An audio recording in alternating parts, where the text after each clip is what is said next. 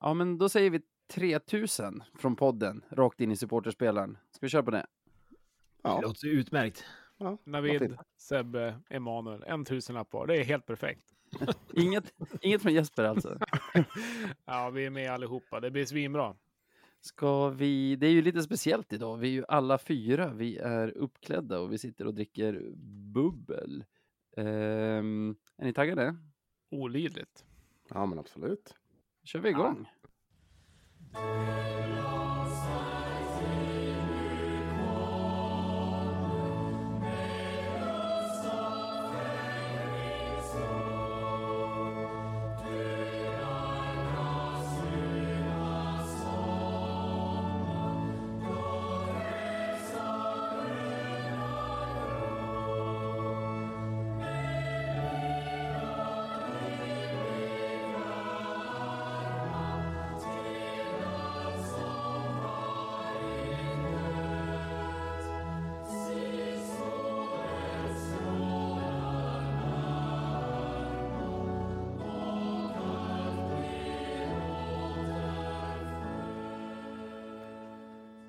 men då hälsar vi er alla välkomna till ännu ett avsnitt av Radio 1970. Kanske säsongens sista avsnitt, eller hur blir det nu? Sebastian Ja. heter jag, med mig har jag Manne och Wallmark som det står här, men det är Jesper där och Navid. Hur är läget med er? Ja, men det är bra. Jag tycker att man, känslan är ju att när man hör den blomstertid nu kommer, att nu, nu är det semester eller, eller, eller eh, sommarlov.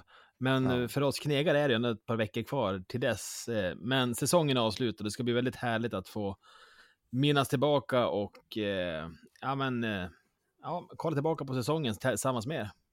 Läget med Ja. Jesper? Ja, tack. Jag trodde aldrig du skulle fråga, Navid. Nej, det är fantastiskt bra måste jag säga. Mysigt att sitta här med er. Eh, lite, lite så här eh, innan klockan tio på kvällen. Man har gått och lagt sig nästan tidigt numera, så att eh, nu är man uppe på övertid. Nej, men jättemysigt. Jag eh, mår bra. Hur är det med en god eh, Sebastian? Ja, men fan det är bra. Det är det. Mycket... Eh, jag, jag, jag har gått från en intensiv hockeyperiod till en intensiv skolperiod. Så det är mycket som sker, men det märks att det är på... Nu är det ju bara slutet kvar. Det är bara att kämpa på. Sen så blir det ju sommarlov även för mig. Du hade tenta igår, hur gick det? Jag vet inte. jag har ingen aning. Du har en känsla. Nej, jag har, jag har aldrig det. det. Det känns alltid lika dåligt. Traditionen trogen tänkte vi ju köra en så kallad award show idag som säsongsavslutning. Vi kommer alltså att eh, dela ut priser till folk vi tycker förtjänar det. Och det är väl egentligen bara att dra igång, eller vad säger ni? Ska vi lyssna på Jespers första kategori? Ja, utkastad till vargarna höll jag på att säga. Nej, men eh, debut eh, och jag tycker det var lite svårt på något sätt. Eh, det finns ju så himla mycket och då blir det som att man börjar fundera, men vad är det som har hänt egentligen? Och, eh, men något jag fastnar på i alla fall. Eh, jag, jag har valt att kalla det för säsongens straff och jag ville ta det i lite Löven perspektiv i alla fall. I början på mars eh, borta mot Södertälje i dubbel jumbotron arena så hade Löven en 3-0 ledning efter första där faktiskt alla i vår första lina gjorde mål. Det var Weigel, det var Poli, det var Kilke och allt såg väl ganska trevligt ut. Men eh, slutar 3-3 efter efter full tid och går till förlängning där eh, Löven är ganska nedtryckta men lyckas hålla undan och går till straffar där en god Fitzgerald gör ett otroligt vackert ishockeymål. Jag själv i alla fall hoppade upp i, straffan, eh, i soffan och tänkte vad är det som händer? Eh, liksom när han drar bak den och i fart och sen bara trycker upp den. Så att eh, den eh, fastnade jag för och det är något som jag tar med mig i alla fall från, från den här säsongen. Så vinnare, Eh, Jerry Fitzgerald. och det är ju en makalös straff. Alltså han kommer ju in, han glider väl vänster, han är ju rightare, så han har ju sin forehand till höger om sig och gör någon sorts toe drag samtidigt som han fintar liksom forehand i bortre så drar han med sig den och från extremt nära håll drar upp den rakt i taket också. Ja, den var riktigt läcker. Ja, det är ju en eh, straff helt klart i min smak. Mm. Avslutade, det var väl grundseriens sista match också. Mm. Eh, så det var väl en värdig avslutning på en, en väl genomförd serie. Ja, Ja, det tycker jag. Och Fitzgerald som gjorde en, en bra grund, eh, grundserie, helt klart. Så där, det gjorde han, gjorde han det väldigt bra, tycker jag. Positiv överraskning under säsongen i alla fall. Det är en sån där straff som man ser typ på alla de där highlight reelsen på NHL-spelare. Mm. Det, det, det är endast där man ser dem. Nej, den var läcker. Det var den. Ja, i kategorin snygga mål så Maxime Fortier, han vart ju prisad för årets snyggaste mål. Ehm, men jag tycker att det här var ju absolut i, i samma klass, om inte ännu tjusigare än hans. Han gjorde ju så här me- mellan benen, ja, lägga in i Han gjorde ett Sasha målgrej. mål. Ja, exakt, fast kanske inte på samma Ah. nivå. Nej, men han gjorde Sasha-grejen. Ja, Eh, exakt. klubban bak mellan benen och hänger in. Jag vet inte, jag tyckte det var konstiga nomineringar till det där. Jag vet inte ens om jag tyckte det där var Fort Years snyggaste Nej, mål. Den här säsongen. men, och det var ju helt onödigt att han gjorde det. Han hade ju helt öppet mål med backhanden, men då väljer han att dra in det mellan benen och göra något mycket svårare. Ja, men och Rydén också i Tingsryd vart väl årets räddning. För jaha, han var där. Benskyddet var där. Nej, ganska trötta nomineringar. Ja, gud. Vi har en bättre awardshow. Ja, jag tror det. Det Bättre nomineringar. Eh, vad bra. Säsongens straff, Jerry Fitzgerald. Vad, vad har du filurat fram för, för någon kategori då, Sebbe? Ja, nej men, eh, jag kan väl börja med, med det som jag vill kalla för årets finne. Eh, det är ju så att den här Årets ligan... finne är den här Ja. kategorin. Årets Jag minns finne. inte, vem var förra säsongens finne? Ja, det vet jag inte. Vem var det? Var det Vetevainen? Kanske? Kapanen kanske. Ja, årets finne. Vi har, ju, vi har ju turen att vi har ju en hel del finska spelare och ledare eh, i vår serie. Eh, alltid kul att se dem spela ishockey. Helt klart den bättre ishockeynationen för övrigt. Eh, men årets vinnare i år är ingen spelare, utan jag tycker att det är Tero Lettere i, i Västerås. Tränaren som räddade det där krisgänget och eh, tog dem till ett slutspel där de fick möta oss. Eh, otroligt sympatisk kille. Eh, verkar kunna, kunna sin sak. Eh, och, nej, jag njöt av att få ha honom här i ligan. Eh, lite, lite förvånad över att Västerås inte fortsatte med honom faktiskt. Men eh, ja, årets finne är han i alla fall i min bok. Ja, men som du säger, sympatiskt intryck på den gubben. Eh, kanske den bästa engelskan man hört av en, av en finländsk människa någonsin. 100 procent. Helt otroligt faktiskt. Ja, Han nej, fick ju bra resultat också med Västerås. mm, verkligen. Men Vände snacka om att ta, ta upp ett... Ja, han tog upp ett skitgäng och gjorde det till ja, ett rätt så habilt gäng ändå. Så. Nej, Nej, men också som du säger, insats. väldigt sympatisk. Trevlig gubbe liksom.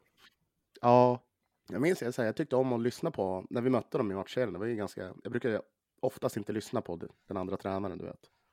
Men eh, han gick det att lyssna på, för han var så jävla vettig Mm. Och extremt ödmjuk. Så ja, det är årets finne för mig i alla fall. Kul. Ja. Jag tänkte på en sak idag. Jag kan vara den Mm. enda personen i Sverige som vet skillnaden på finlandssvenska och svenska med finsk brytning. Är, Jok- är Jocke Fagervall en sån där svensk-finländare? Han har ju ändå något finskt i sin tornedaliska. Ja, han, han pratar även finska. Har inte han bara Norrbottens dialekt? Nej, men han har ju något från the other side också. Eller Tornedalsdialekt? Det är inte... Han kan ju finska, snälla. Det är det. Han pratar norrbottniska, men han kan finska. Vad fan. Man är, man är tillhör inte oss, oss magiker som, som kan skillnaden. Jag tror du kanske kan det Sebbe. Ja, kanske. Det var säsongens finne. Och det var, säg namnet igen. Tero Lettere. Då, Manne, är jag nyfiken på vad din första kategori är. Ja, eh, det här var ju som Jesper sa lite utmanande att göra och jag tror jag har den längsta titeln på min första kategori. Säsongens. Wow, det där skulle ju kunna bli riktigt bra upplevelse. Nej, men det var ju så här att vi fick ju ett radarpar som sattes ihop ganska tidigt. Poli kom ju direkt på säsongen och så, ja, men så var det något snack om att Kilki skulle komma sent för han skulle gå på bröllop. Så när de väl började lira ihop, det var ju typ i samband med ganska nära in på premiären. Så man, man visste ju riktigt inte hur, hur bra Kilke var då. Men ganska tidigt så tycker jag man att de hade ett par två mot ettor där pucken satt varje gång. Till Mm. slut kunde man nästan man kunde nästan börja jubla vid blå linjen när man såg att de kom. Jag kommer ihåg speciellt ett tillfälle då Poli Kilke kommer och för då var det ju Poli som var framspelaren. Mm. Spelar till Kilke som glider på ett knä och liksom sätter den mot borta sidan. Sen så glider han mot sargen och de omfamnas. Och det, det var mitt. Eh, Var wow. det hemma mot Modo eller? Var det mot Modo? Ja, det Första var. hemmamatchen där som vann med 5-1 i kanske omgång 5-6 någon gång, eller? ja, precis. Jag tror det var hemma mot Modo. Ja, det var mitt. Eh, eller det är säsongens wow. Det där skulle ju kunna bli riktigt bra upplevelse. I konkurrens, vad kom tvåa? Eh, ja, vad kom tvåa? Nej, men för mig var det inledningsvis så hypade jag ju Vain- Vainio ganska mycket. Jag tänkte att wow, eh, det där skulle ju kunna bli riktigt bra. Ja. Eh, Ja, det är en Men- annan bra faktiskt. Var inte Fortier lite samma känsla? Eh, liksom när han bara stormar fram typ på försäsongen. Jag tänkte, Ja. vad är det här för någonting? slagskottet mot Vasa till exempel. Ja. Då tänkte man att det där Ja. blir ju hur bra som helst. Ja, men så det fanns några i kategorin, men med, med tanke på utfallet så var det ändå ganska lätt att, eh, att premiera på Olle Kilke i det här fallet. Bra. Jag minns jag, typ samma känsla också när de hittade varandra där tidigt. Och också som du sa, man var ju rätt så inställd på att det var att Poli skulle vara någon sorts sniper och, och Kilki den briljanta framspelaren. Och så var det tvärtom två gånger om och man bara okej, okej, här har vi liksom ett tvåhövdat monster. Där undrar man ju, när skedde skiftet egentligen? För att eh, när säsongen summeras så är ju Poli den som har gjort fler mål av dem och eh, Kilke har ju ändå blivit, han blev ju till slut den där framspelaren. Han gjorde ju ganska lite mål på slutet. Och då kan man ju fundera på när, när skedde skiftet? Var det någon gång, det måste ju vara någon gång då, då Weigel var försvunnen. Ja, kan vara. Det var i alla fall efter de där tidiga matcherna när Kilke hade en expected goal på typ 1,4 men gjorde 7 eller något sånt. Var då han gjorde back-to-back hattricks? Ja, precis. Helt otroligt. Ja, häftigt. Och Kilke blev ju som du sa en framspelare och hur många gånger har man inte nypt sig i armen under den här säsongen och tittat på honom och känt så här, det känns lite som att vi fuskar när vi har så bra spelare i laget. Ja, Ja. ja. det är x antal gånger faktiskt. Alright, säsongens wow, det där skulle kunna bli riktigt bra upplevelse är alltså Poli och Kilkis samspel. Mm. Stort grattis till dem. Nu är det dags för mig. Jag har, Mm, vad har du då? jag har gjort en hel omvändning här på slutet. Jag, nej, jag kan inte ha det. Det är för liksom navelskådande och självgott. Men sen eh, när man kör Kill Your Darlings och bara har liksom två kategorier kvar, då, då känner jag att det här, det här är en som måste ut. Så jag har säsongens transfer. Okej. Och det är Oh, man väldigt- kunna gissa sig fram också. Det hade varit spännande. Svårt, för det har gjort väldigt många bra transfers och värvningar den här säsongen. Vi har Kilki som vi har pratat om. Dickinson till Modo, bra för dem. Kryger, ganska nyttig för Djurgården. Vem är det? Videll, Södertälje. Alla värdefulla på sitt sätt. Men för mig och Sebbe var nog det bästa som kunde hända om man ser det så här i efterhand. När du Jesper hörde av dig i början av hösten och frågade om vi hade plats för en gubbe till. Vi var lite skeptiska, ville kanske inte rucka på dynamiken i vår, alltså i, i det vi hade, men kom fram till att ja, men vi behöver någon att dela arbetsbördan med. Och jävlar vad du har tagit på dig av arbetsbördan Jesper. Vilket driv du har kommit in med. Det, liksom, du har dragit i trådar bakom kulisserna på ett sätt som jag och Sebbe har pratat om i flera år, men kanske aldrig riktigt haft tid att dra i. Och tack vare dig fick vi ett program till i veckan, eh, Supermåndag, och tack vare det fick vi möjlighet att värva in Manne också, som även det är en strålande poddperson. Så när jag summerar den här fjärde säsongen av Radio 1970 så är det den första säsongen som jag inte känner så här i slutet av säsongen att ah, det här var nog sista, sista poddsäsongen, vi skiter nog i det här. Nu, nu känner jag bara pepp för att nästa säsong ska komma så att vi, så att vi ska kunna dra igång igen alla fyra. Och väldigt mycket av det är tack vare den som jag har utsett till säsongens transfer som är Jesper Nilsson. Woho! Välförtjänt. Du ser nästan lite generad ut Jesper. Ja, nej, jag, jag, eh, vet, jag försöker som dra mig bort från stolen och nästan så hoppa ut genom rummet. Så att jag, jag blir väldigt glad, jag blir väldigt rörd och tacksam för, för de orden. Det, det, det betyder verkligen, det drar rakt in i hjärtat. Så att jag har haft jättekul och eh, tack för att ni har eh, tagit hand om mig och tagit eh, till mig i alla fall och att jag har fått, fått göra min grej, det jag tycker är kul också. Så att, eh, stort tack och eh, jag ser verkligen fram emot nästa säsong också. Så att, till er alla också, ni är kanon allihopa och eh, alla som lyssnar och engagerar och hör av sig och allting också. Så att, nej, jag tycker det är svinkul så jag hoppas det märks. Säger du Sebbe, vi har blivit lite mer av ett organiserat företag sen, sen Jesper ramlade in, eller? Ja, det kan man väl lugnt säga. Nej, men det, han har ju kommit in med...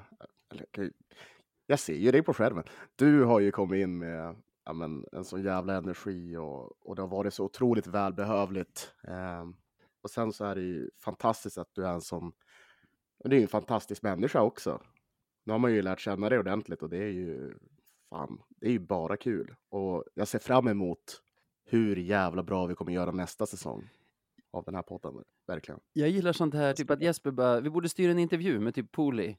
Och jag och Sebbe, så här, alltså det är ganska mycket jobb med intervjuer och så här, det ska synkas och planeras. Alltså helst inte typ. Och du bara, ah, jag träffar honom imorgon över en lunch. Så, så nu är det löst. Bara, ah, bra, bra, bra, kör, kör, kör. Ja, det är så jag, kom ett jag, jag, gillar att, jag gillar att göra grejer så att då, ja, då blir det så. Nej, så att eh, vi... Du får saker gjorda också. Och framförallt en sak som du fått gjort är just Supermåndag. Och, och tack vare Supermåndag så har vi Manne också. Så fan, det har varit, varit ett riktigt jävla roligt poddår. Det är egentligen det jag vill säga. Så stort ja. tack för det. Och Grattis till utmärkelsen säsongens transfer. Ja, tack så mycket. Och nu är det faktiskt dags för säsongens transfer att plocka sin andra kategori.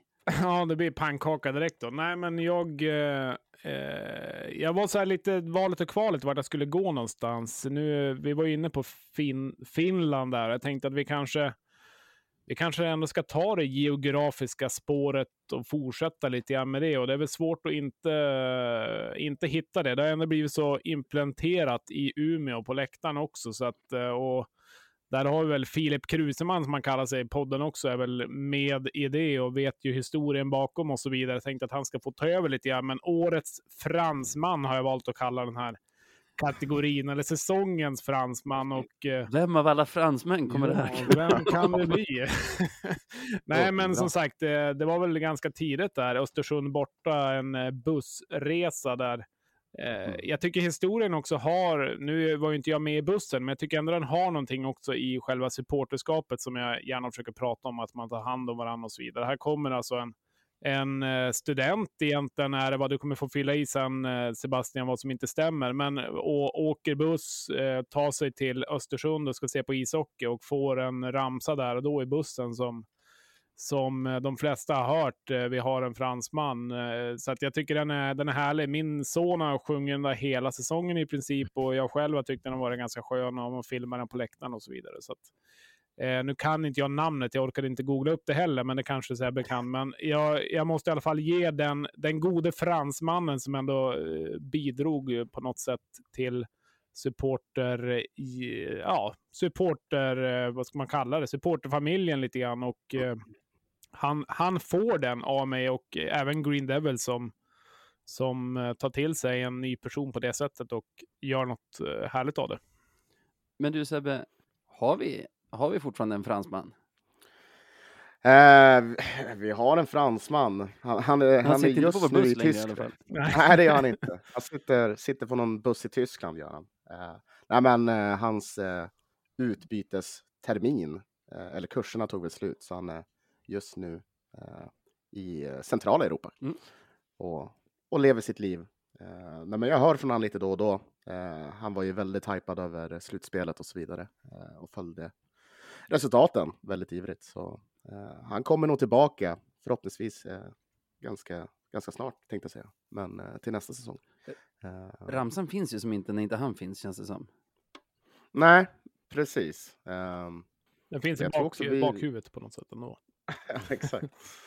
Nej, men eh, jag tänker att vi plockar fram den igen när han kommer tillbaka och, och går på hockey. Det blir som perfekt. Och det var fan ganska spännande för efter den här resan, eh, det var i Östersund borta, eh, så hade vi en match mot Modo direkt efteråt.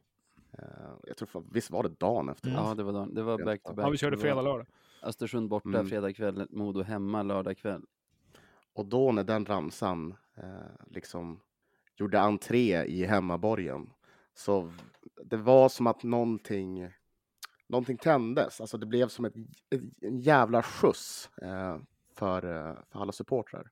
För det snackades om det. Eh, folk blev så jävla taggade på att gå på hockeyn igen. Och, ja, det, var, det var en ganska stor grej. Eh, och det var bara på grund av fransmannen och ramsan. Det var ju jävligt kul när man själv satt där och inte hade varit i Östersund. Och liksom, det börjar gå en, man känner ju igen melodin, den är ganska välkänd. Tänkte, Ja, men shit, nu dyker den här upp på läktaren, men vad, fan, vad, vad sjunger de egentligen? och, sådär. och så slut, jaha. Och så fick man som hem och kolla upp storyn och sådär. sådär. Ja, det var ju som en eh, kul tid det där. Jag kan nästan likna det med att eh, säga att det var ett bröllop till exempel och du kanske inte har varit med på svensexan eller någonting. Och så liksom kommer de in då på bröllopet, eh, grabbarna som... Ja, de är, skämt. ja, de är knappt nykter igen och drar några interna skämt och så vidare. Och så tänker jag, vad fan är de pratar om egentligen? Lite så kan jag tänka mig att känslan om man ska likna den lite grann. När man inte Mm. var med i bussen liksom. Jag har ju en son som heter Frans, som jag kallade även innan det här för, inte Fransmannen, men mer så här kanske Frans, komma, mannen. Så, hur är läget Frans, mannen? Eh, så han, vi, vi har haft, ja, jag har fortfarande behållning av den ramsan här hemma. Jag förstår det. Dricker massa sirap är det såklart när barnen Körde ni den under läggningen idag också eller? Nej, det kanske var det som hade krävts, vem vet? Nej, vad, vad, vad heter vår fransman, Sebbe? Ehm, ja, fan uttala med det här. Med, förlåt till alla fransktalande där ute, men Guillaume, eller Guillaume, eh, har jag för mig att man uttalar det. Ja, jag stavar det på ett sätt som det säkert inte stavas egentligen. Men vi säger väl stort grattis Guillaume, säsongens fransman. Så det är han inte heta tror jag. det, jag tror fan att det är det. Alltså. Jag har pluggat franska, jag, jag, jag tror nog. Ja, det jag låter, tror väldigt, det låter väldigt bra tycker jag. Jesper, Ja, vi har ju en Patreon. Kan du berätta lite om den och vad det innebär? eh, ja precis. Nej, men vi har ju en Patreon som vi eh, lanserade. Det var väl just innan slutspelet kanske där. Och eh, eh, det har ju varit väldigt bra måste jag själv säga. Ett, eh, ett roligt sätt att släppa lite extra avsnitt. Jag och Manne körde ju stenhårt under slutspelet med ett eh, avsnitt inför varje inför varje match där. Eh, jag vet, jag var på, på en grej, var jag på universitetet med jobbet och fick liksom gå iväg på typ en eh, separat ingång, typ en toalett och försöka spela in ett poddavsnitt och försöka släppa det där mitt i allting och folk undrar vad fan håller du på med? Så att eh, vi kämpade på där, men patreon.com slash radio 1970 och där är vi ett stort gäng ändå ska jag vilja säga som är med eh, och eh, cred till Sebbe eh, våran Discord-hjälte som eh, fick igång det där när vi andra gubbar inte fattar någonting ungefär hur det fungerar. Eh, där har vi kunnat snacka och idag, Manne, du har väl du har väl en historia idag när Wallmark skulle presenteras, eller vi trodde väl det, eller vad vi nu trodde egentligen om Lukas Wallmark, så du kommer in efter efter att ha jobbat ungefär en timme och har typ 300 olästa meddelanden där det var ett jäkla drag eh, med giffar till höger och vänster och så vidare. Så att, eh, Discord har ju varit ett stort plus måste jag säga. Just den communityn som har varit. Eh, eller vad har du att säga om det Sebbe? Ja, ja. Det är ett sånt jävla drag där och då, jag är inne mycket på datorn men jag, jag hinner inte ens hänga med. Så, och det var ju total hysteri idag. Det var, ja, nej, Det är dessutom var- ett sånt där det var- ställe när det händer någonting så, så vill man in dit. Undrar vad de skriver om det här på Discord. Eller in snabbt som tusan. För, jag vet, inte, I alla fall jag, det verkar som de flesta andra är kanske lite mindre betänksamma med, man, med vad man skriver där också. Det blir lite mer intimt, man ska säga. Så Discord, jättebra perk med, med Patreon, men framför allt tack för att ni stöttar oss och för att ni gör det möjligt för oss att, att fortsätta med det här och betala våra räkningar och allt sånt. Så patreon.com slash radio 1970, in med Ja. er där. och jag skulle också vilja säga att eh, där kommer det ju hända mycket grejer, vill jag ju lova, under nästa säsong. Eh, och kanske lite inför säsongen också. Det kommer, det kommer hända mycket i alla fall. Det, kommer det här bli någon typ av ledighet nu som väntar, som det, som det verkar nu när vi gör det här avsnittet, nu någon månad eller två och så vidare, så kommer det klia i fingrarna och skicka ut grejer. Så att eh, vill ni ha det senaste där så häng på.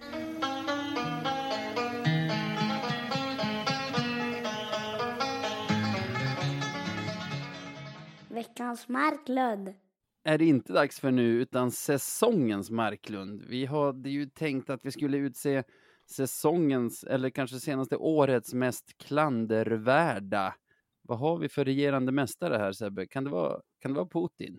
Jag jag vill minnas att vi var så platta förra, förra året, men det Ja, hade ju sina anledningar också. Har ju fortfarande, men vi måste gå vidare. Vi, vi kan inte stå stilla där.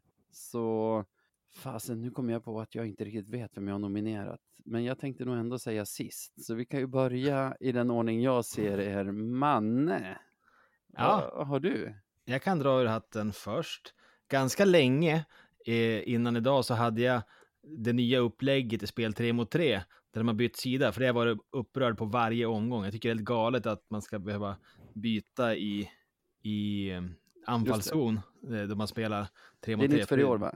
Ja, det tyckte jag förstörde hockeyn, men alltså, det är inte det jag ska ta. Det är Jag alltså kommer att man ihåg- gör sidbyte mellan tredje perioden och sadden. Så, alltså tre Ja, man spelar som i andra perioden, så Ja, att det blir längre till bytena. just det. Och det där sant. fuckade upp spelet totalt tycker jag. Jag vart ju jättetrötta i defensiv zon. Mm. Men det är inte det jag har. Ehm, jag kommer ihåg när Björklöven eh, begärde sig själva i konkurs.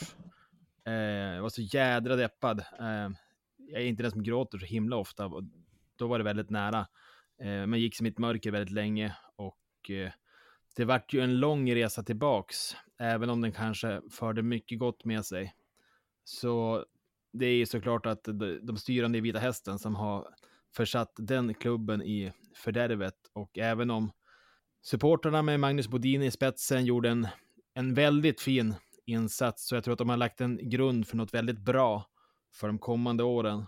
Så, så gick det inte vägen och Vita Hästen och alla deras fans får börja om i den, i den lägsta divisionen och eh, börja vandringen tillbaka. Så att, eh, ja, de styrande i Vita Hästen, de har min nominering för säsongens Marklund.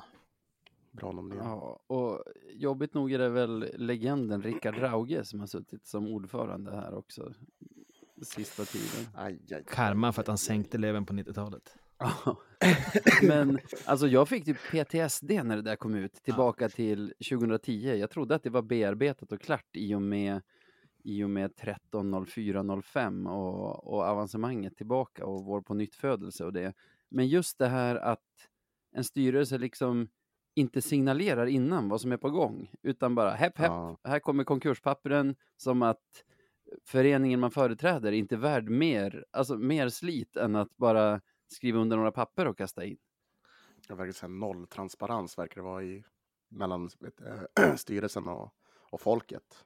Uh, nej, för fan vilken hemsk situation att få reda på det där bara. Usch. Ja. Ja. det var hemskt. Eh, Jag är ju så här, direkt man hamnar i någon slags krisläge, då, då går- kommer jag direkt alltid till, vad tusen ska vi göra? Vi måste lösa det här. Så Mm. jag låg, på, jag låg på riktigt sömnlös ett par nätter och funderade på om man skulle flytta till Norrköping och så här, hjälpa till på något vis för att så här, ja, jag fick någon slags känslor för Vita Hästen, kanske på grund av att vi har varit i samma sits och allt det där. Och eh, man vet att när, det väl, när man väl är tillbaka och liksom det vi, läget vi är nu, då är ju den resan som vi har gjort, den är ju värd. Ja. Men, men där de är nu så är det ju natt. Ja, det är Svart på många sätt och vis. Och de har ju dessutom, lite äldre Vita Hästen-supportrar typ, i min ålder, har, har ju varit med om det här två gånger nu. Alltså det här är Ja. andra gången de är med om det. Ja, fy fan. Ja, Lite kul, för är det, två helger sedan var jag hos några vänner nere i Östergötland, varav en är stor Vita Hästen-supporter. Det är alltså min frus barndomskompis sambo vi pratar om här. Och han har nyss gett ut en bok faktiskt. Han, är, han håller på med historia. Eh, och i förordet hade han skrivit någonting om att det enda lag han har, har, liksom hyst så starka känslor för i Vita Hästen och att det var fruktansvärt när de gick i konkurs. så hade han varit tvungen att korrigera det just inför släpp till och, och osannolikt nog så, så har det hänt igen nu. Och sen, sen då berättade jag för honom om Boddans initiativ och bara, det är inte alls säkert att det blir konkurs. Han bara, nej, nej, vad, eller ja, bra, men vad fan ska jag göra med boken?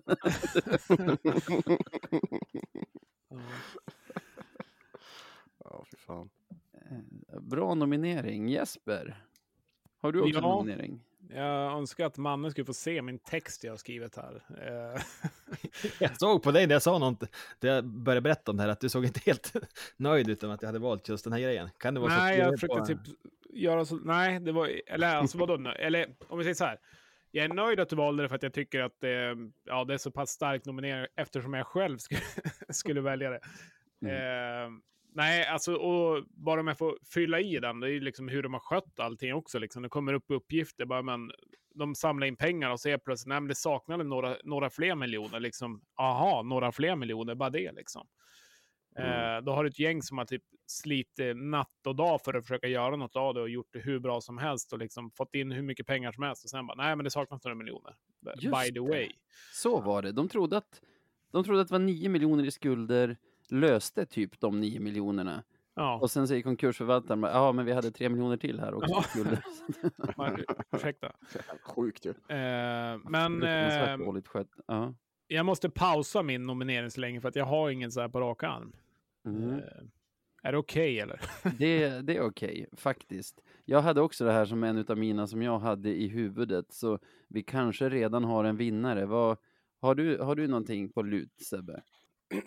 Ja, nej, men det- alltså det här är ju Du är en, en besviken över ständig... domarinsatsen omgång tre. Ja, exakt. Den där jävla slashingen han tog. Nej, men det var den där gången då vi fick det här leaving the bench-straffet. Kan vi ta det? Ja, faktiskt. Alla jävla too many players också. Satan alltså. Nej, Nej men jag, jag tycker väl att det, det känns som att ehm, den som jag nominerar nu är väl en ganska ständig Marklund och det är ju uh, Svenska ishockeyförbundet. Ehm, Niklas Bornefjord. känns- Bornefjord. Ja, men det, det, jag vet inte vad det är. Det känns som att för, för varje säsong som går så glider eh, förbundet bort från föreningarna och framförallt supporterna. Mm. Det känns som att de, eh, de hamnar i skit som de inte ska hamna i. Jag tänker Boden eh, debaclet. Jag tänker nu att, ja men vad fan, vi, vi såg ju själv hur en som var anställd av förbundet Mm. retweetade Mm. liksom en hånvideo mot Hutchings.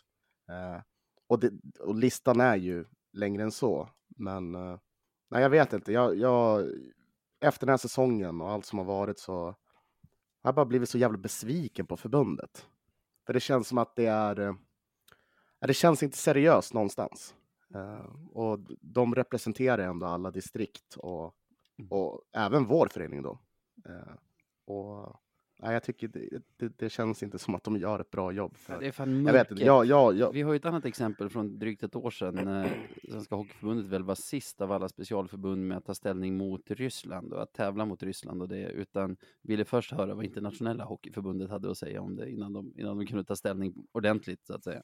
Ja, precis. Sen, ja, vad fan nu då? Nu har vi ju det här med att spelarna är för dyra. Det känns så här, alltså NHL-spelarna som ska vill spela VM. Ja, men hur Men sjukt det är har inte inte vi det? råd att betala. Man måste lösa sin egen försäkring Ja, i det är- egen vad är det ficka för att få spela hockey-VM. Alltså, det dumheter. Nej, jag fattar inte. Alltså, det, det är en hockeycamp de ska åka på, det är VM liksom. ja, nej, men det vill man inte satsa på tydligen. Så. Ja, det är ja, för vet dumt. inte. Ja, det är också en Ja. bra nominering. Fasen, ni har varit och nosat på alla. Jag hade, jag hade faktiskt Leaving the Bench som lite i bakfickan också. Det borde hyllas tycker jag. Det, det var ju något som försvann också. Att så här, vi blev utvisade två minuter för leaving the bench för att några spelare typ inte gick till båset utan åkte liksom på utsidan av sargen till båset.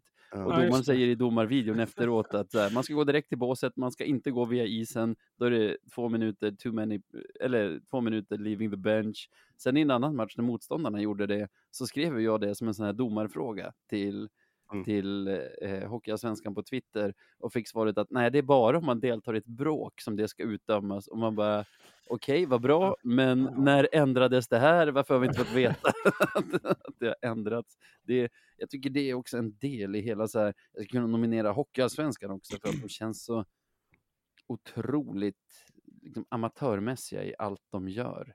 Men- Eh, Får jag tillägg? Absolut. Eh, det jag tror att, alltså man tänker kommunikation är ju ganska viktigt såklart Mm. och kommunikationen ut mot då supportrar, eh, de som följer ishockeyn och är engagerad.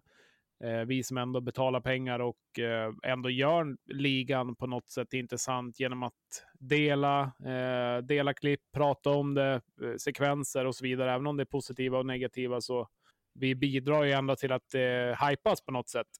och det, det jag tror egentligen vissa sådana här, ja men säg förbundet till exempel. Varför inte ha en kanal där liksom svärmen är, säg Twitter. Eh, och liksom fångar upp kanske vad som händer, fångar upp lite irritationer och så vidare och kanske liksom kan komma in och ändå kommentera och liksom visa att ja, men vi ser det, vi hör det lite grann, alltså, vi förstår vad ni tänker och tycker. Jag tycker att ibland att det är så skygglackat på liksom. Man, man kommenterar in Svehockey liksom, eller taggar Svehockey, inte ens en kommentar, ingenting. Alltså det händer ingenting, även om det blir en ganska stor snackis runt om. Så att jag tycker att eh, vissa sådana organisationer är ganska osmart i sin kommunikation. När de kan fånga upp och liksom eh, mildra vissa grejer eh, så, så gör de inte det. Så det väl egentligen mer en, en passning att bli lite smartare i det. Ja, då, deras kommunikatörer är väl upptagna med att hålla på och lajka hånfulla videos på, på när vi avtackar Hutchings. Liksom. Ja, men det är det man tänker. Eh, Men det, är, det är så sinnessjukt. Så att, eh, och jag menar, jag säger inte att man ska svara på allt, liksom. Kanske även som en förening ibland också, alltså vissa föreningar, att liksom vara ute i svärmen lite grann. För att nu, det börjar också bli mer och mer yngre generationen och vad gör de? Ja, de är inne på TikTok, de är inne på sociala medier och allt möjligt. Så att liksom häng med där det händer lite grann också, för att annars blir man lite omsprungen av det också. Så att det är mer en, en sån grej jag tänker.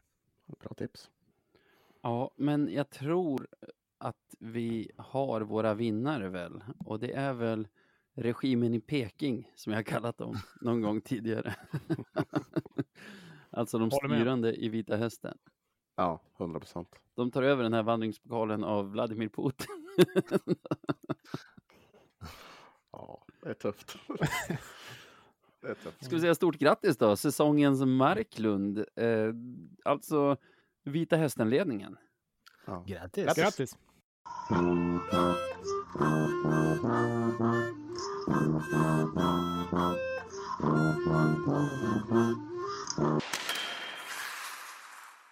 Jaha, Sebbe, har du några fler nomineringar? Ja, men det, det har jag. Jag har en till.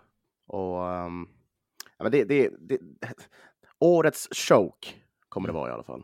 Ja. Och eh, jag har tänkt ge den till, eh, till Hudiksvall det här året. För nu är det för fan andra året i rad som de sjabblar bort en serieledning för att gå upp till liksom Hockeyallsvenskan. Alltså jag förstår det inte. Det är hur fan fel. är det möjligt? Men hur är det möjligt? Det Jesper säger, det är han och Mannes fel. Nej, men det är det inte. Nej, men det, jag håller Ja. med. Alltså, de står på 15 poäng då det är tre omgångar kvar av serien. Och den som går upp, vad slutar de på? 19 kanske? Mm. Ja, ja, det, är så, det, åh, det är så fruktansvärt. Och då, ja, ja det är otroligt. Eh, De slutar på 16 va? De tar en poäng på de tre sista omgångarna. ja. Ja. Det jag menade var att det var efter de hade varit med i podden och då var det redo. jag förstod det. ja, nej, jag tänkte också på det där Sebbe. Alltså direkt efter att nu är det ju två säsonger i rad också som de sjabblar bort det på liksom eget bevåg mot typ avsågade Ja. lag i de sista omgångarna. Jag vet, det är så, det de, har ju, de måste ju ha det sämsta psyket någonsin. Det där, och nu tappar de ju tränaren. Mm. Hur fan ska det gå nu? Det, det är så jävla synd, för jag hade, jag hade ju velat se dem i Hockeyallsvenskan.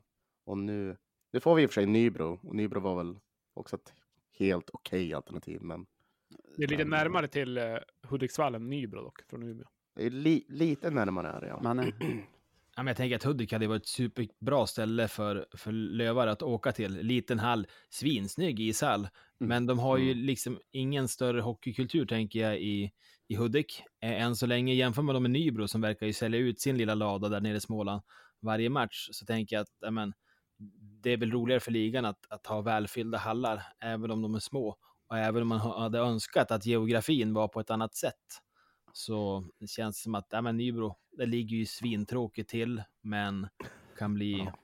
kan Ja. bli drag där. jag minns det som att de var lite av vårt boogie-team dock, när de var uppe i Allsvenskan senast. Alltså där mitten Ja. av 00-talet. Jo, eh, vad hette han målvakten som var där? Ehm, Minns ej. minns Han var ju målvaktstränare. Heino Lindberg, kan det vara han? Mhm, mhm, ja. Han, han gjorde någon sån här sjuk insats eh, mot oss på hemmaplan. Jag tror de vann med 2-0 eller sånt där. Mm, mm. En, Mm. Det var på tiden jag var capo. Eh, Ja. Var lite slirig efter matchen och, de käkade efter matchen mat i det här lilla krypinnet innanför, innanför Bullens. Så Ja. där stegrade jag in och bad att få prata med den här killen och hörde inte om han skulle kunna tänka sig att komma till Löven nästa år. Vad sa han då? Nej, jag vet inte. Han, han gjorde inte det. Vi gör ändå vårt. Det är fint att du och försöker värva. Agent Manne alltså. De som följer mig på Twitter har sett mina försök att värva Maxim Maturskin också. Både 2013, 2016 och 2018 eller vad det var. Så har jag varit på honom på Twitter och sagt åt honom att komma till Löven. Ja, dags nu. Tydligt att vi inte har någon push dock, Manne. Nej. Varken Maxim Maturskin eller, visst heter han Kristoffer Heino Lindberg eller något sånt. Ja. Eh, har ju skrivit på för Löven.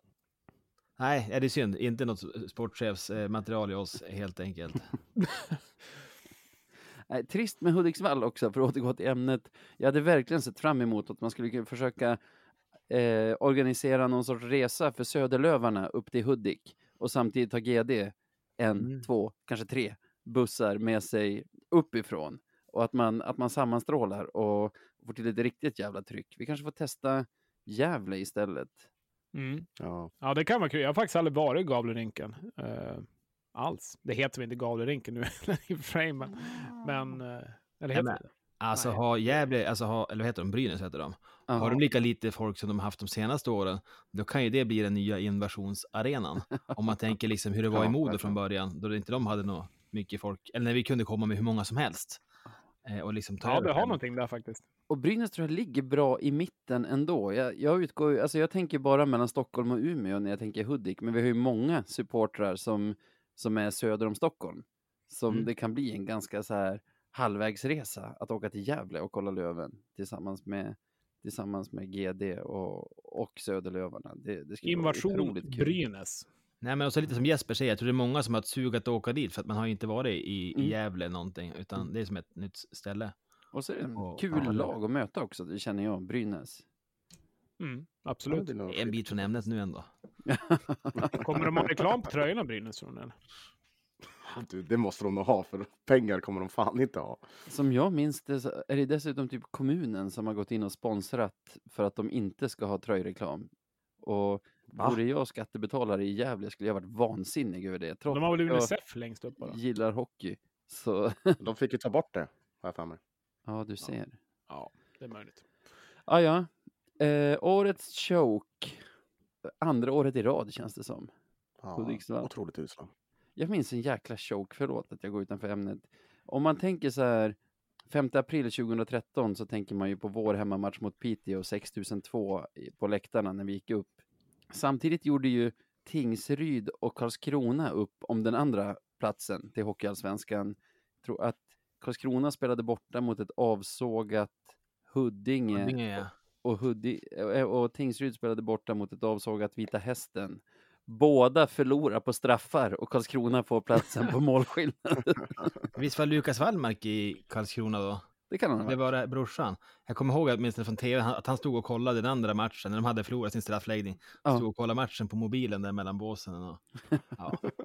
Ja, för det ska man säga i rättvisans namn att Karlskrona förlorade förvisso också, men det var först efter att de hade fått reda på att Tingsryd hade förlorat sin straffläggning och att det inte spelade någon roll om de vann eller förlorade sin. Ah, ja, eh, vad har vi nu då? Mannes andra kategori står det i köris. ja, eh, här kommer den. Säsongen, om inte omfunnit. Nej, jo, säsongens, om inte omfunnits. eh, Modo tog seriesegern. Det var otroligt betydelsefullt. De kunde välja sitt motstånd genom hela finalspelet. Om inte om hade funnits, då kanske vi hade vunnit den där helgen i Småland. Då jag, då det för mig kändes som att vi sket bort den här säsongen. Pissveckan i Småland alltså. Ja, men eller hur? Vi skulle möta. Kristianstad i Skåne, va? Och så var det Tingsryd och Västervik. Vi Fem av nio men- poäng tog vi där. Ja, men vi tänkte att här kommer vi hem med, med full pott. Och eh, ja, om inte omfunnits hade vi vunnit de matcherna. eh, känns det som att eh, vi kanske hade haft en annan fördel i slutspelet att få möta vårat få välja vilket motstånd vi ville möta i finalspelet och eh, vem vet hur det hade gått då? Låt oss slippa den parametern i kommande säsong. Det hade varit otroligt skönt. Jag minns att du gästade podden man, innan du hade blivit en permanent deltagare här inför säsongen och vi snackade. Och, jag vet inte varför, men jag minns en grej du sa och det var eh, vi måste se till att haffa seriesegern nu, för den har visat sig viktigare tidigare, tidigare säsonger. Så eh, du fick ju rätt. Ja, det har ju varit så de senaste tre åren. Ehm, Mm. Att eh, seriesegaren går upp och ja, det snackas ju mycket om att utvärdera systemet liksom med hela kvalmekanismen, men just det här valet i, i slutspelet, det känns ju väldigt eh, avgörande. Eh, jag tänker att det inte bara att seriesegern ger den extrema fördelen. Hade man, hade man inte haft valen, då hade det varit på något annat vis. Eh, Modo hade fått Djurgården i semi till exempel. Och vem vet hur de hade varit i en final då. Nej, det... men nu fick de välja och det är så det ser ut. Eh, Så därför får vi väl ta med oss det en säsong till. Och vem minns inte säsongen då vi vann serien? Ja, det hade blivit bra läge att gå upp. Mm, det hade vi. Ja, verkligen. Jag avskyr egentligen att spekulera i om och men på det här sättet, men i kategorin säsongens om inte om hade funnits så är det ju helt rätt sak att göra. Och jag håller med dig om att det, det är nog där vi liksom sumpar våra chanser. Jag ska inte säga att vi hade gått upp om vi hade tagit seriesegern, men vi hade ökat våra sannolikheter i alla fall. Och när man ser över en säsong så är det ganska många poäng man bara pissat bort som hade varit guld värda där i slutet. Mm. Och det kan ju inte finnas en spelare eller ledare som kan komma och säga att det är inte nu vi ska vara som bäst. Det är sen.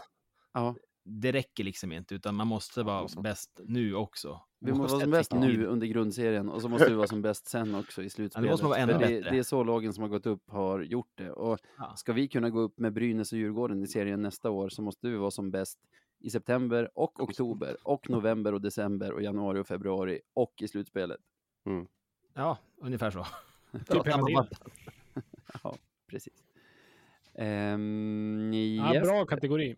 Ja, verkligen. Verkligen. Och vinnare i säsongens Om inte om hade funnits, det är ju om vi hade vunnit serien. Ja, exakt. Grattis om vi hade vunnit serien. Veckans om inte om, nej, säsongens om inte om hade funnits. Nej, varför sa jag Jesper? Jag ska dra en nu. Jag har gjort det lite till en tradition att utse säsongens supporter. Mm. Och det är ju lite Mm. så här, alltså Hockeyallsvenskan gör det ju redan centralt, eller vilka det är som utser. Jag tror Devon vann det välförtjänt den här säsongen till exempel. Och vår säsongens supporter är väl kanske lite mer, alltså, vad jag säga, jag ser dig, vi ser dig. Till någon som inte liksom eh, kanske uppfattas av de stora massorna på samma sätt. Och några jag har tänkt på den här säsongen, dels har väl KSG uppstått lite grann Sebbe.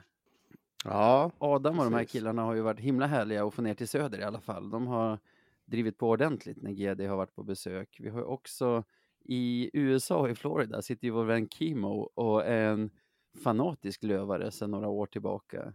De som, Ja. de som är på Twitter Otroligt. vet vem, vet vem Kimo är. Kanske, Hyfsad legend alltså. kanske Lövens Mm. största supporter på internet. Ja, måste ju vara det. Måste vara det. Otrolig en- meme-skapare också. Ja, ja. Ja, ja, ja. Bra, bra internetpersona är han.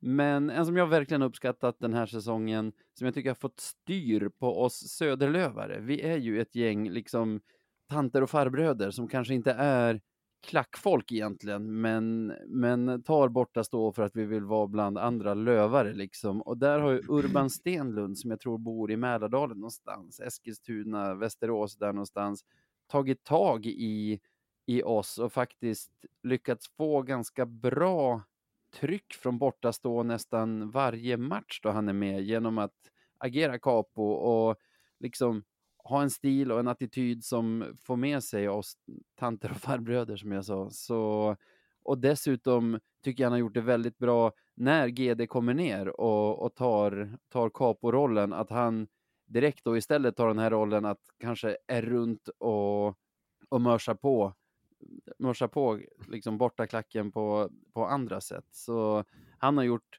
otroligt mycket den här säsongen för, för stämningen på bortastå och trycket från bortastå i här i södra Sverige.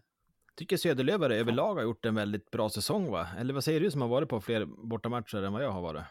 Ja, det är våran bästa säsong. Jag flyttade ju ner till Stockholm var det 2006 och sen dess skulle jag säga att det här är vår absolut bästa säsong från borta stå. Alltså både i numerär och i, och i tryck. Och i alla fall trycket, det, det kan man väldigt mycket credda Urban för. Mm. Fan vad kul. Ja, härligt, härligt. Han och Turbo har ju dessutom styrt upp någon sån här banderoll. Vi har ju en egen banderoll som väckte uppmärksamhet på Ja. Hovet. Ja, just det. Som, som det står Söderlövare på. Det är ju liksom det namnet vi har, eller den benämningen vi har på lövare här i södra Sverige. Söderlövare. Men djurgårdarna trodde att det var Södermalmslövare det syftade på och att, att ja, det är för dumt. Vi behöver inte ens gå dit. Alla är Hammarbyare liksom. Ja. Och så en otrolig tweet där liksom. Av någon djurgårdare. Aj, aj, aj. Fan vad många dumma tweets man har sett av djurgårdare den här säsongen. Det har varit helt otroligt. Ja, jag tänkte utnämna typ så här årets tweet, men jag orkade inte leta fram något. Men det, fin det, det finns ju... Alltså årets tweet. Ja, Jag tycker så årets tweet. tweet. Nej, men det finns ju ändå många, många härliga tweets där ute. Ja, det gör det. Eh, Men stort grattis Urban, säsongens eh, supporter. Ja, stort grattis. Grymt, grattis.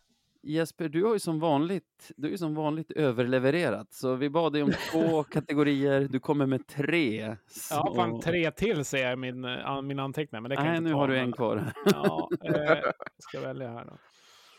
Eh, ja, nej men... Eh, mm, ja, jag får väl ta den här då. Årets, eller säsongens mest avgörande tackling, får den heta. Säsongens mest avgörande tackling.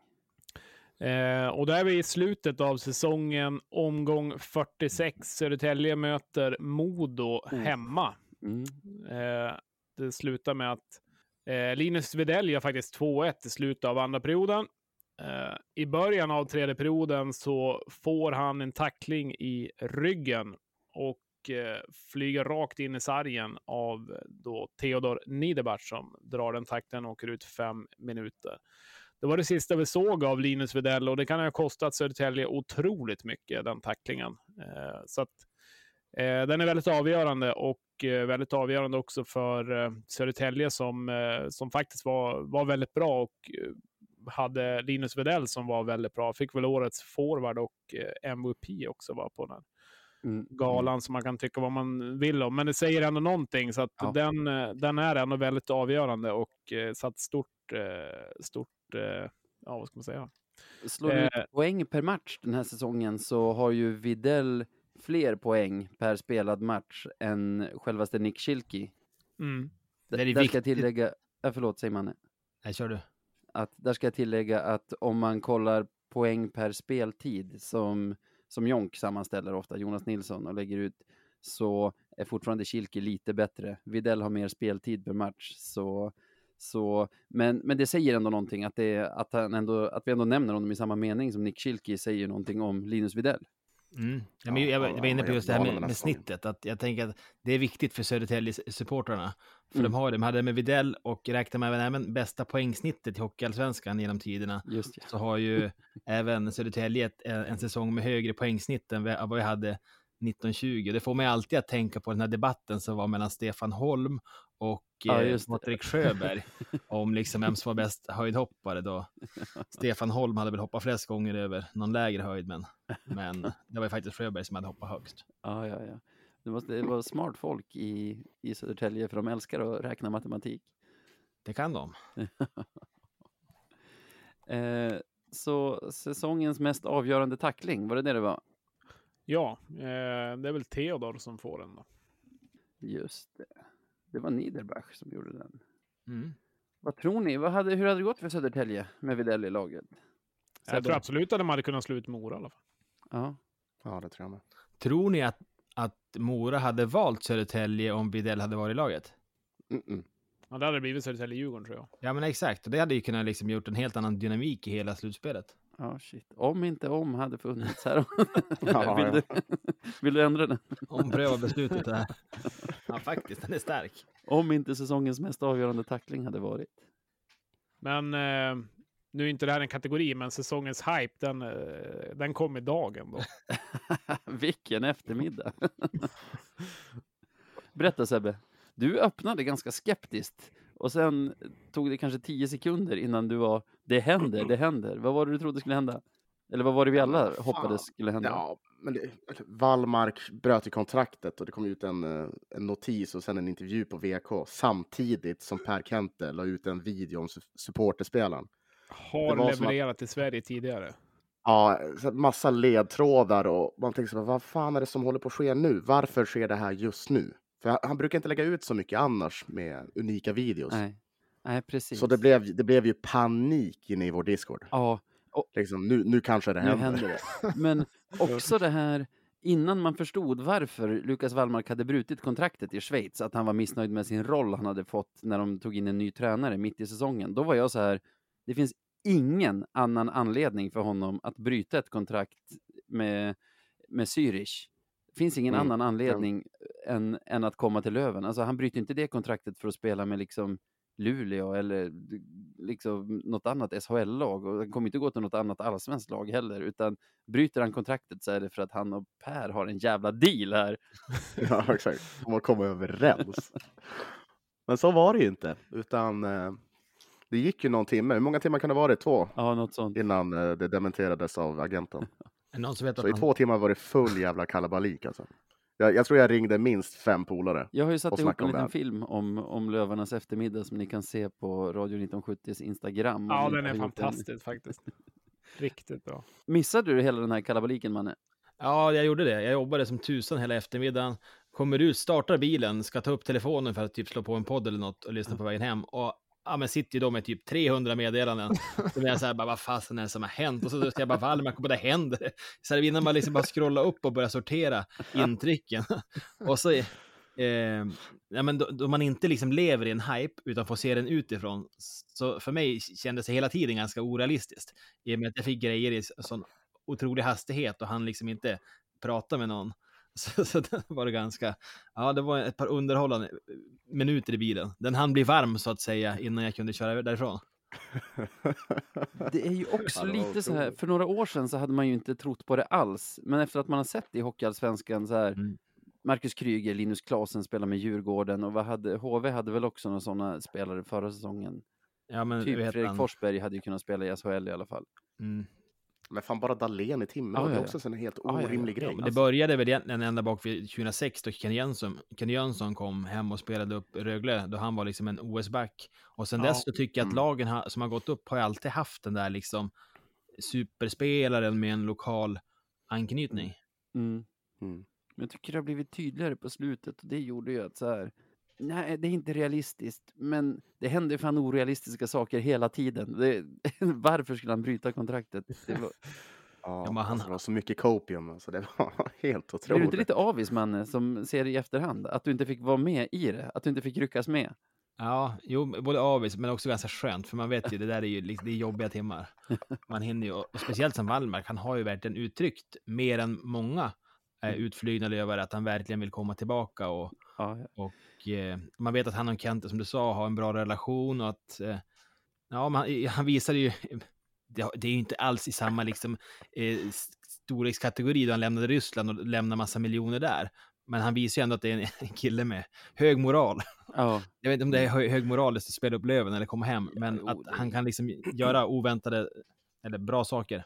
Jag skulle säga att det tyder på hög moral att göra typ som Kry- Kryger gjorde den här säsongen. Att välja bort bättre alternativ för att få liksom göra något stort för, för sin moderklubb. Men jag tänkte också på Kente idag. Som Löven Ja, lägger ut fan. en video med Kente där han säger att de har någonting stort på gång i stort sett. Alltså, fortsätt dunka in supporterspelaren. Max en kvart senare kommer nyheten att Wallmark har brutit med, med Ja, Lions. jobbigt. Och alltså Kente måste ha sett den nyheten och bara nej, nej, nej, nej, nej, nej, nej, nej, nej, nej, nej.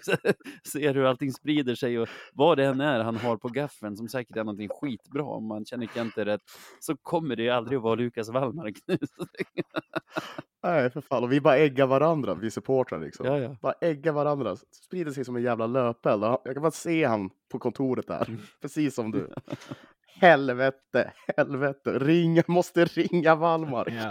Men om man ska bara stanna i drömmen en stund till och tänka om den var på riktigt, om Wallmark skulle komma hem, alltså hur stor skulle han vara i Umeå över hur lång tid? Här har vi nästa säsong om inte om hade funnits. Ja, Ja. Ja, nej, Alltså, det om, om man skulle otroligt. komma och ta upp dem eller bara om man skulle komma eller? om man skulle komma och spela upp Löven, alltså då är det ju... Det hade varit helt otroligt. Han kan gå in på vilken pizzeria eller vad som helst i stan eh, livet ut. Han kan göra vad fan han vill liksom. Jag var beredd att lova på Twitter att jag skulle flyga hem till alla hemmamatcher och ha säsongskort om, om Lukas Wallmark skrev på. Tur för min familj att det var, att det var falskt Ja. alarm.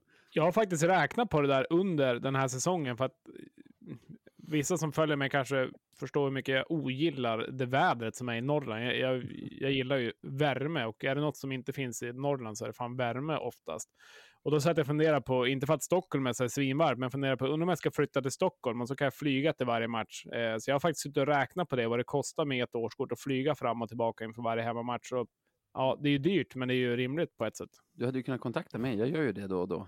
Ta det där 15-20 fly flyget från, från Bromma och sen det nattåget som går vid 11-tiden tillbaka.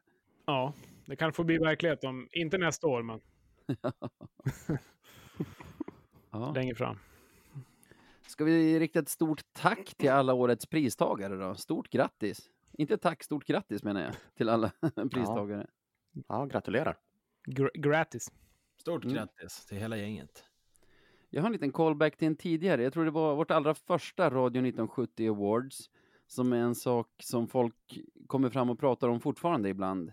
Och det var att jag utsåg alla lövares anhöriga till någon sorts MVP. Kommer ni ihåg det? Mm. Mm. Den har jag spelat upp med min fru flera gånger. ja, men jag känner att de är liksom hjältarna i det här Löven-universat. Och det är ju inte bara den säsongens MVP. Nu har vi utsett andra till andra priser och sånt, men jag skulle säga att stående MVP i Löven-familjen är de här anhöriga. När jag liksom tänker på vad det tar av liksom min fru, mina barn, mina föräldrar och era anhöriga och våra lyssnares anhöriga så fylls jag av någon sorts beundran. För liksom, hur kul kan det vara för dem att ha en närstående som är mentalt otillgänglig så många kvällar per år och liksom checkar ut helt från allt annat under slutspelet. Nej, det, ju- det, det är en otrolig eh, situation de är i. Och det- för tankarna till eh, VK-journalisten, heter han, Karl Sundström, som eh, han har under de senaste säsongerna följt ett par Löven-supportrar och liksom porträtterat dem eh, ett par gånger under säsongen.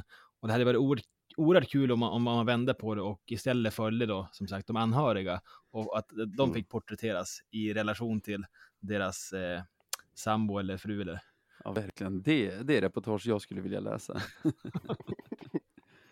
Nej, det är faktiskt eh, otroligt när man tänker på det. Det var ju som eh, Maria, min sambo, klev in på, på jobbet. Det var väl mitt i slutspelet, där, kanske under kvarten eller någonting. Och så min, min kollega, som hon är inte alls intresserad av ishockey, men hon har väl blivit tvungen eftersom jag är så intresserad. Och hon vet ju hur jag mår när det går bra och inte går bra och så vidare. Så kom hon in och så det första hon sa till Maria var, hur är det att vara hockeyänka? Vad svarade hon? Ja, men det var som ett bra uttryck ändå. Och Maria tackade typ för att hon förstod hur det var. Eh, så att jo, de har det inte lätt. Nej, och plus att de så här... Typ, min fru blir inte glad när Löven åker ur, fastän det gör hennes liv så mycket lättare att vi ryker i semi istället för att ta liksom en final till sju matcher. Men vet ni, jag skulle vilja att ni gör någonting nu, alla som lyssnar också. Det är ta fram telefonen och sen skicka ett meddelande till någon eller några av de personer som ni har närmast er som, som inte bryr sig om Löven alls, men som ändå påverkas så mycket av Björklöven genom att vara närstående till just er. Har ni telefonerna uppe så skriv nog nu hur mycket ni älskar och uppskattar de här personerna. Och när ni är klara med det så tänkte jag att vi skulle avsluta med en låt tillägnad dem. Men först får vi säga stort tack för den här säsongen till alla som lyssnar. Och stort tack till er grabbar också. Strålande säsong. Eh, trevlig sommar på er. Ja, men tack själv. Tack detsamma. vad kul har haft. Ja, men tack själv grabbar. Vilken ära det är att få hänga med er. Om idag inte var en ändlös landsväg och i natt en vild och krokig stig om imorgon inte kändes så oändlig. Då är ensamhet ett ord som inte finns. Men bara om min älskade väntar. Om jag hör hennes hjärta sakta slå. Bara om hon låg här tätt intill mig kan jag bli den jag var igår.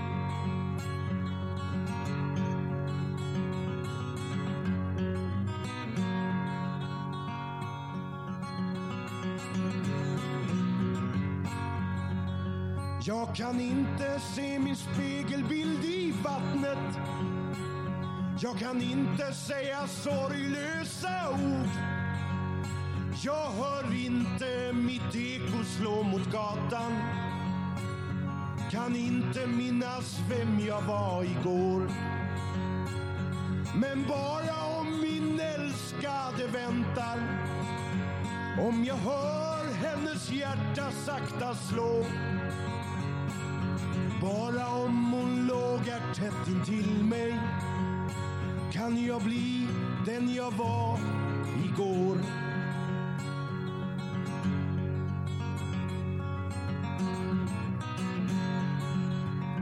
Det finns skönhet i flodens silversånger. Det finns skönhet i gryningssolens sken. Men då ser jag i älskades öga en skönhet större än allting som jag vet. Och bara om jag vet att hon väntar om jag hör hennes hjärta sakta slå bara om hon låg här tätt intill mig kan jag bli den jag var igår.